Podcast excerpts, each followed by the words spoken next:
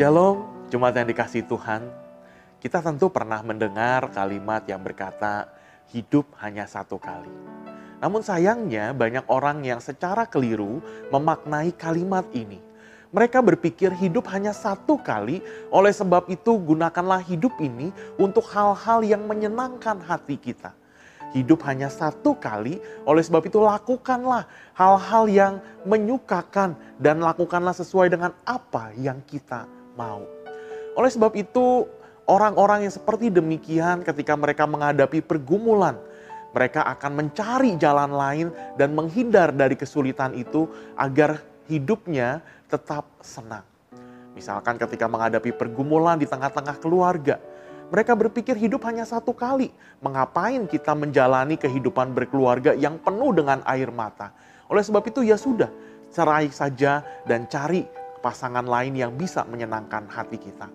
Ataupun ketika kita menghadapi usaha, kita menghadapi pergumulan, kita menghadapi kesulitan dan berulang kali gagal. Karena hidup hanya satu kali, maka mereka akan berpikir apa yang akan mereka lakukan yang mendatangkan banyak keuntungan sehingga akhirnya mereka berpikir melakukan usaha yang bertentangan dengan firman Tuhan atau bahkan melawan hukum sekalipun. Yang penting saya mendapatkan banyak keuntungan dan hidup saya senang. Jemaat yang dikasih Tuhan, bukan begitu cara kita maknai hidup yang satu kali itu. Kita perlu berpikir dan juga melihat firman Tuhan katakan apa. Rasul Paulus di dalam kitab Galatia pasal yang kedua ayat ke-19b dan 20 berkata demikian. Supaya aku hidup untuk Allah. Aku telah disalibkan dengan Kristus, namun aku hidup. Tetapi bukan lagi aku sendiri yang hidup, melainkan Kristus yang hidup di dalam aku, dan hidupku yang kuhidupi sekarang di dalam daging adalah hidup oleh iman dalam anak Allah yang telah mengasihi aku dan menyerahkan dirinya untuk aku. Jemaat yang dikasih Tuhan, kita perlu berpikir seperti Rasul Paulus juga berpikir di dalam kebenaran firman Tuhan. Hidup hanya satu kali, namun hidup yang satu kali itu adalah hidup yang telah ditebus oleh Kristus. Hidup yang satu kali itu yang kita jalani saat ini adalah hidup karena anugerah Tuhan.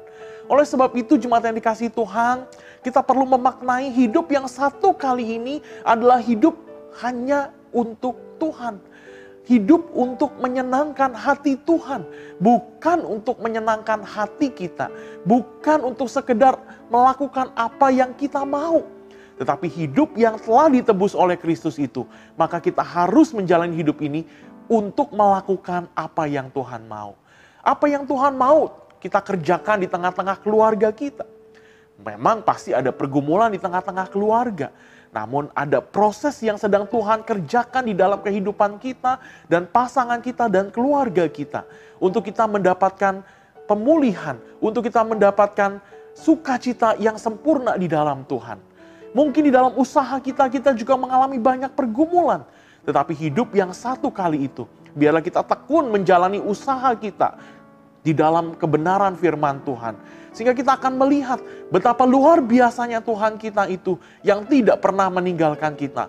Di tengah-tengah kesulitan usaha kita, Tuhan masih mencukupkan segala yang kita butuhkan. Oleh sebab itu jemaat yang dikasih Tuhan, mari kita jalani hidup yang satu kali ini hanya untuk menyenangkan hati Tuhan Ketika kita menjalani hidup kita untuk menyenangkan hati Tuhan, maka kita akan melihat, kita akan merasakan betapa luar biasanya Tuhan itu. Damai sejahtera Tuhan, kasih setia Tuhan, sukacita Tuhan akan terus mengalir di dalam kehidupan kita. Dan yang pasti, penyertaan Tuhan akan selalu ada di dalam hidup kita. Jalanilah hari ini, jalanilah hidup yang satu kali ini hanya untuk menyenangkan hati Tuhan. Tuhan Yesus memberkati.